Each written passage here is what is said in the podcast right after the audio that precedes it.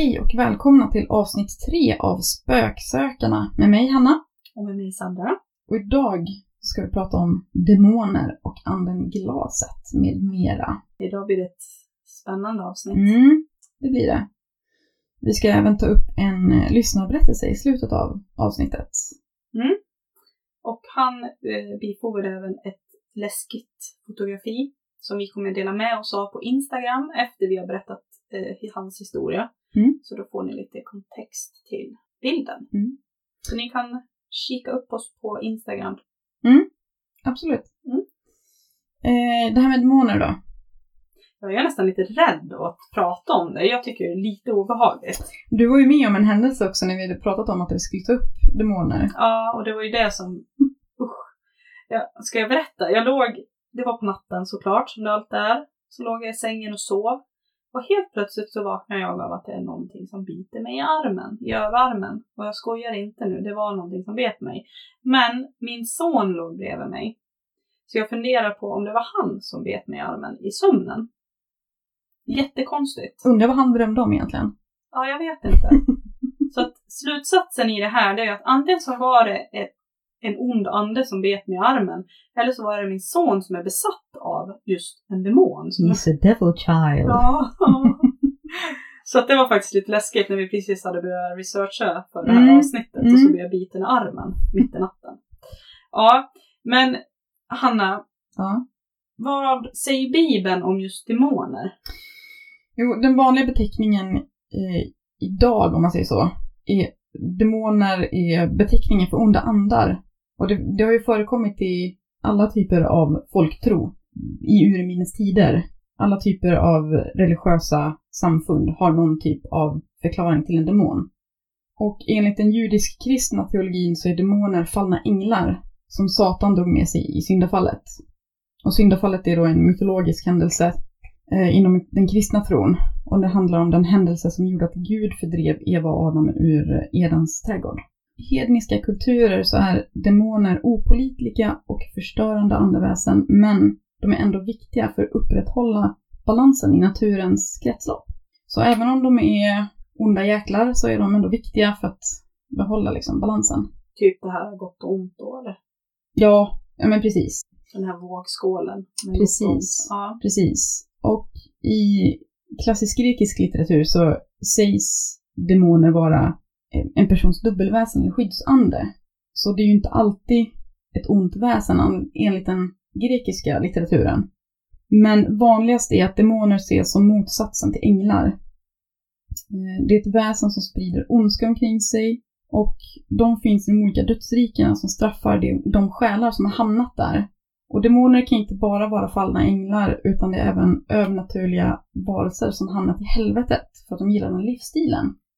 Och en del är födda av andra demoner, och vissa är straffade syndare som arbetar sig uppåt i hierarkin i helvetet tills de blir mäktiga nog att räknas som demoner. Om du dyrkar demoner eller använder den praktiska läran om demoner så kallas det demonolatri.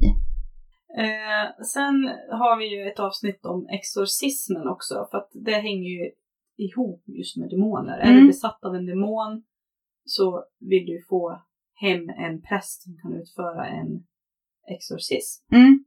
Helst en katolsk präst också. Ja, I och med att de verkar vara experter på det här. ja, ringer du kyrkan i ditt samfund där du bor så vet jag inte om de kommer att... Det tror jag inte. Nej. Man får söka sig längre ut helt enkelt. Ja. Nej men det här att människor blir besatta av demoner har ju folk trott på så länge demoner har funnits i folks troende liksom. Och eh, man utförde olika typer av ritualer för att bli av, dem, av med de onda andar som besatt en människas kropp. Mm. Och i den katolska kyrkan som har ju utvecklat det här med andeutdrivning och exorcism väldigt mycket. Och det även, förekommer ju även nu i modern tid.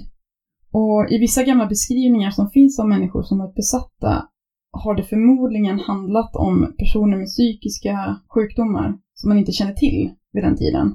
Det var mycket som man, man kastade in demoner i, just när man inte hade läran om alltså, psykiska sjukdomar. Jo, precis. För att det kan ju säkert vara en kombination av psykiska sjukdomar, religiös övertygelse och de sociala normer som fanns vid den tiden. Mm. Att man inte kände till hur olika psykiska sjukdomar artade sig. Och sa att men den här människan är galen, den här människan är besatt. Mm. Det är en ond ande som har tagit över den här människan. Och jag tänker på filmen Exorcisten. Mm. Har du sett den? Ja, jag har sett den här nyutgåvan. Jag har inte sett den från 1973. Nej, jag har sett den från 73. Och det var väldigt länge sedan. Mm. Och jag var nog alldeles för ung för att se den också. Var du rädd? Jag ju fortfarande mardrömmar Ja. om den. Och det var Ja, säkert men- 20 år sedan jag såg den. jag tycker den är läskig.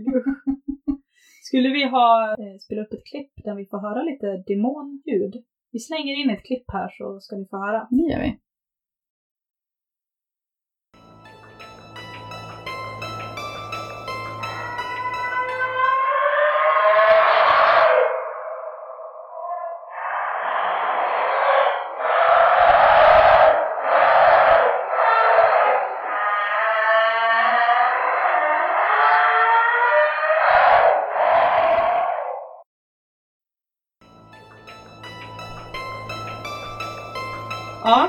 Där fick ni höra.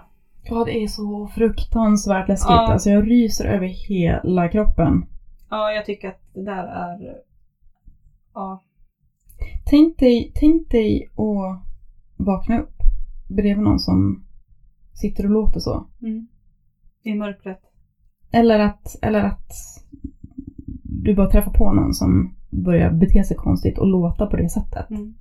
Alltså jag skulle ju antingen krypa ihop i en liten boll och själv dö. Ja. Eller så skulle jag svimma av. Usch, nej, jag tycker inte om sådana där oförklarliga ljud. För det här ljudklippet då, det är taget från någonting som ska vara verkligt. Verkliga ljud som någon har spelat in. Mm. Eh, sen får man väl ta det hur man vill. Men jag som är rädd för allting sånt där och jag som tror på det mesta känner ju att hjälp. Jag, jag tror ju typ att det är på riktigt. Mm. Men sen får man väl känna som man vill inför det. Men ja, jag tycker sånt är ofantligt otrevligt. Mm. Men eh, filmen Exorcisten, Mm. vi pratade om innan julklippet, Ja. den är ju baserad på en verklig händelse. Precis. Och den händelsen är då Robert Mannheim, en 14-årig pojke och han hade börjat bete sig väldigt, väldigt underligt. Han hade använt ett Ouija-bräde och efter det hade hans säng börjat vibrera och möbler hade välts. Han fick röda utslag över kroppen. Och i de här röda utslagen så stod texten Go to St. Louis. Och då skickade de honom till St. Louis till sin moster. Och mostern trodde snabbt att han hade släppt in djävulen i hennes hem. Och Robert hade under några dagar genomgått personlighetsförändringar. Och han talade med den här hemska gutturala rösten. Och svor och förbannade alla som han såg. Under nätterna så kunde man höra konstiga ljud från vinden och källaren. Som ett krypande och prasslande och allmänt oväsen. Alltså jag ryser bara jag pratar om det. Ja, men jag med. Och pojkens anhöriga hade först tagit hjälp av den lokala lutheranska prästen. Men hans utdrivning hade inte fungerat. Så då kontaktade man istället den katolska församlingen. Och två präster kom då till huset. Och en av prästerna attackerades av Robert med en stålfjäder som han hade tagit från sin säng. Och den här prästen som blev attackerad fick lov att sys med hundra stygn. Men de genomförde ritualer och under flera veckor gjorde de det här då. Till slut kunde man konstatera att demonen hade lämnat kroppen och efter det blev Robert som, som vanlig igen. Vissa tror då att det här fallet är bluff eller att det skulle kunna vara en sammanblandning av besatthet och psykiska sjukdomar. Till exempel som hysteri, mani, psykos, tourettes, epilepsi, schizofreni med mera. Och det sägs att inga mediciner användes för tillfrisknandet av Robert. Så kanske det var så att de katolska prästernas ritualer fungerade som läkande terapi. Jag tror ändå att han var besatt. Ja, men det tror jag med. Ja, så om man nu skulle vara besatt av en, en ande, vad gör man då? Tänk om man skulle vara besatt och så bara. Det, börjar ju, det, det verkar som att det brukar börja stegvis. mm, Så man kanske upptäcker det själv. mm, Och demoner då, de gillar inte dofter av citron, svavel och vitlök. antingen så ska du då lukta på de här sakerna. Eller ska du elda det som, som rökelse. För att då driva ut demonen ur din kropp. Precis. Mm. Och höga ljud är också ganska bra att använda sig av. Ställ dig och banka på något eller, eller spela musik på jättehög volym. Sen är det också skarpa synintryck som solsken, starka lampor, kalla bad kan också använda dig av. Och så ska du då sysselsätta din kropp och sinne med annat. Och du ska inte ge den här demonen då någon uppmärksamhet. Mm. Utan du ska liksom försöka koppla bort det. Andra har också svårt att korsa rinnande vatten. Så kliva över en bäck, en trädgårdsslang eller vad som kan finnas tillgängligt. Det är tur att jag har en bäck nära mitt hem. Ja.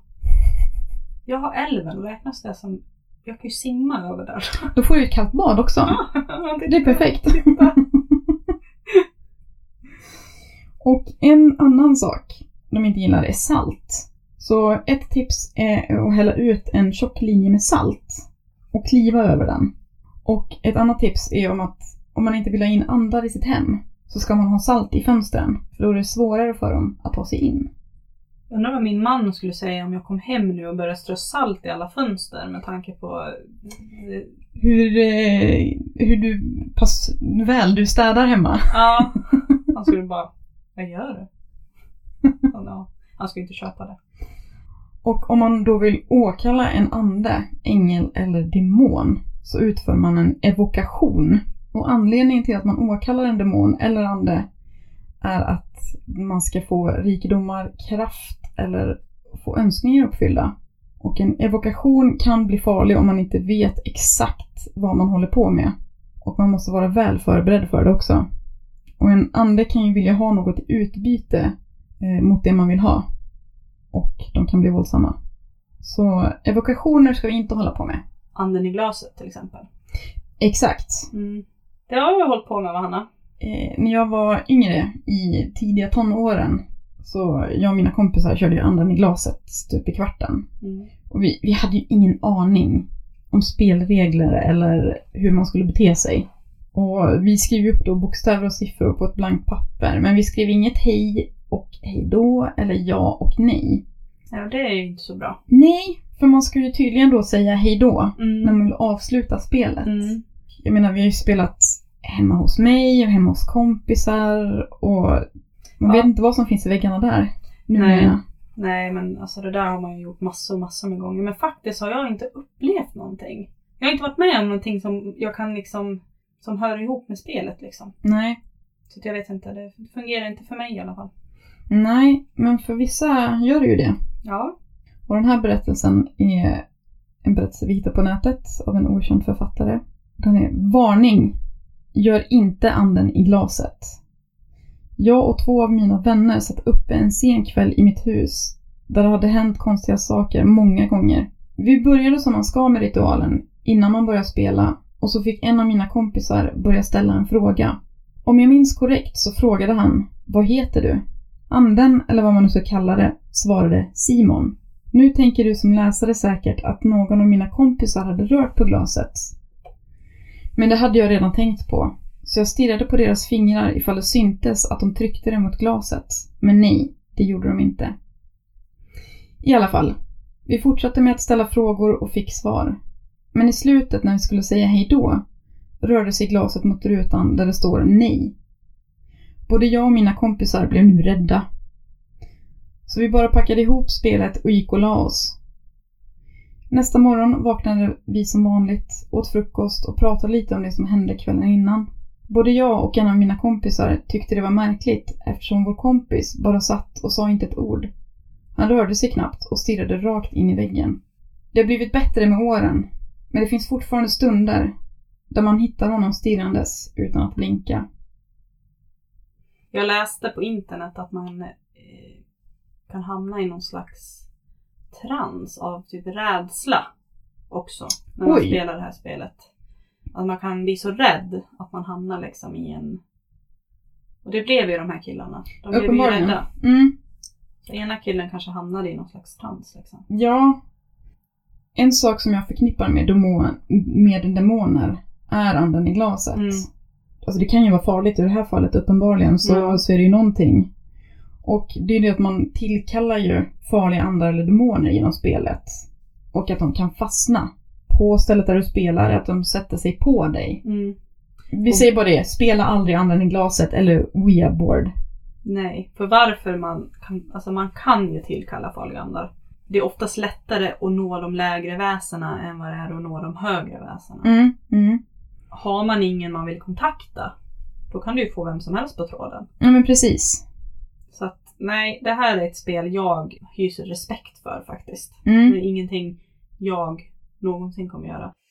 Ja, vilka mer kan vi förknippa med demoner? Vi kan eh, förknippa Ed och Lorraine Warren Ja, till demonerna. de flesta borde känna till Ed och Lorraine Warren och vad de håller på med. Mm.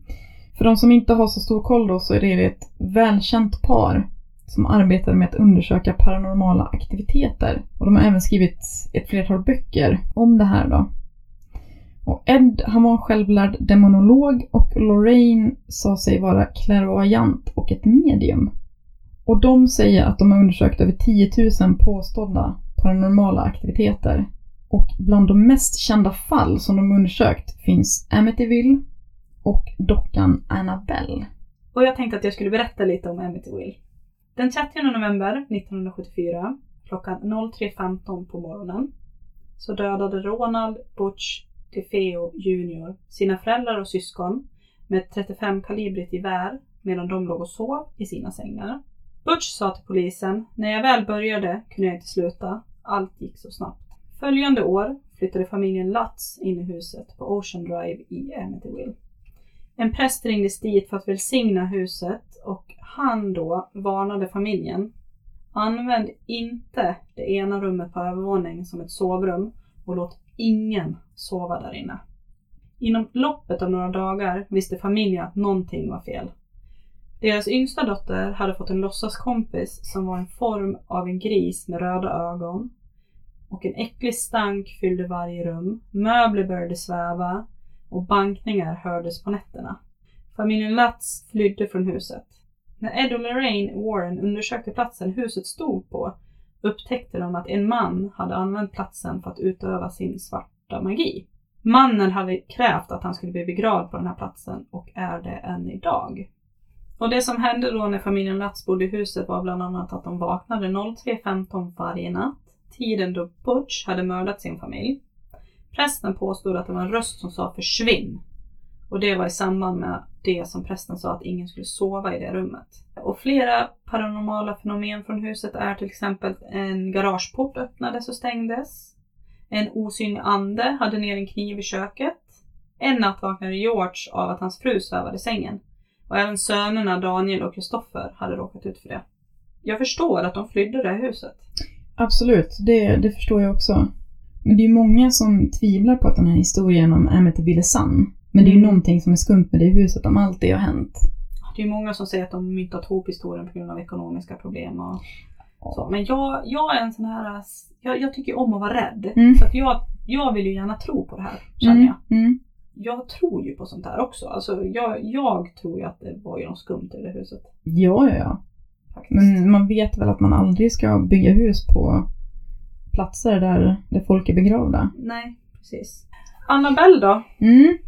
Annabelle, den här hemska, hemska dockan. En kvinna som heter Donna som var 28 hade fått en docka av sin mamma. Donna bodde med en rumskompis och hon tog med sig den här dockan hem och märkte snabbt då att den flyttades runt i deras lägenhet av sig självt.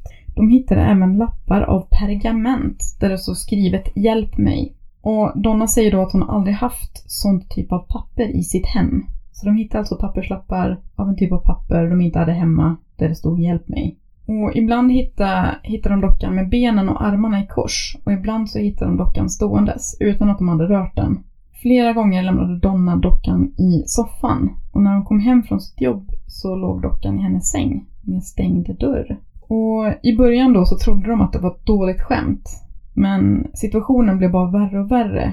Så till slut så tillkallades ett medium. Mediumet gjorde en seans och då fick hon ta kontakt med en flicka som hette Annabelle som dog när hon var sju år gammal.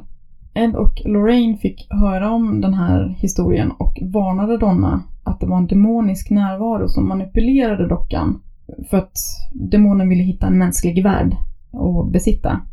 Och efter att paret Warrens bevittnat att dockan Annabelle svävade så bestämde de sig för att ta dockan och stänga in henne i ett glasskåp i deras hem, där den befinner sig än idag. Mm. Och där tycker jag att den ska sitta. Ja, ja absolut. För vi diskuterade ju här, du och Hanna, nu när både Ed och Lorraine har dött. Mm. Så hoppas man ju att de har liksom gett sitt arv vidare till pålitliga människor. Ja. Men det var ju faktiskt en som hade ringt till det här museet och ville köpa den där dockan. Mm. Och han hade sagt att du får en miljon för dockan. Och då hade den här då personen som har hand om museet sa att nej, jag säljer inte den här dockan för en miljon. Ja, men om du får två miljoner då? Mm. Han bara nej, alltså jag kommer aldrig någonsin sälja den här dockan för att det är inte min, alltså det är inte rätt av mig att den här dockan ska hamna i någon annan persons händer. För att den är så ondskefull. Precis. Så den dockan ska bara sitta där och sen får vi hoppas att det här arvet bara fortsätter genom tiderna så Mm. att vi aldrig någonsin hamnar i fel händer. Precis. Ja, och Ed och Lorraine de har ju ett museum Mm. med eh, alla deras hemsökta saker. Ja. Skulle du vilja åka dit? En del av mig säger ja. Ja. Just för att det skulle vara otroligt läskigt. Mm. Men en del av mig säger nej, för att jag skulle ha oturen att dra med mig någonting hem. Någon väsen skulle, skulle följa med mig hem. Ja, ja. Någonting skulle ju följa med en hem. Mm. Garanterat. Mm. Så jag är sådär att... Jag vet i 17 om jag hade... Om jag hade gått på det museet faktiskt. Det, det, det känns lite för läskigt. Skulle någon betala mig för att åka dit, ja då skulle jag göra det. Ja. Men jag skulle nog ha med mig en eh, katolsk präst dit också. Ja spöksökarnas budget är inte så eh, stor just nu så vi kan Nej. ta oss till USA. Men sprider ni podden så kanske. jag tänkte att jag skulle läsa upp en lyssnarberättelse. Och den här berättelsen då, den är skriven av José Lorenzo. Jag var på Bali 2011. Där hade balineserna en tradition varje år där man driver ut andarna från ön genom att bygga stora figurer med skräckinjagande utseenden som de bär till rytmiska trumljud genom gator och torg. Jag var där en kväll och tittade på det här och tog en hel del bilder.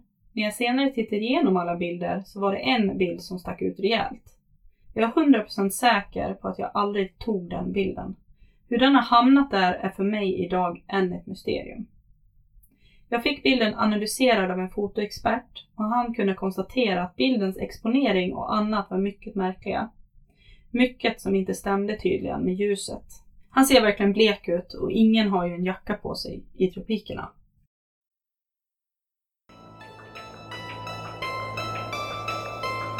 Tack snälla för att ni har lyssnat på Spöksökarna. Ja, tack så jättemycket. Och glöm inte att gå in på iTunes och eh, ge oss recensioner. Och eh, likea, dela, sprid ordet att vi finns. Ja. Och desto mer feedback vi får, desto bättre kommer podden bli. För vi Precis. kommer ju såklart utforma den utöver vad ni, hur ni vill ha det. Och vad ni vill lyssna på. Och lämna in berättelser. Ge Yes. oss material att jobba med. Ja, och vi finns ju på Instagram, att spöksökarna och spoksokarna gmail.com. Så det är bara att mailbomba oss med roliga historier. Eller roliga, läskiga rättare sagt. Ja, läskiga fast roliga. Läskiga. Läskigt är ju roligt. Precis. Eh, och sen eh, går ni in på Instagram och kika på bilden. Så eh, ha det så bra så hörs vi nästa gång. Hej då! Ha det bra. Hej då!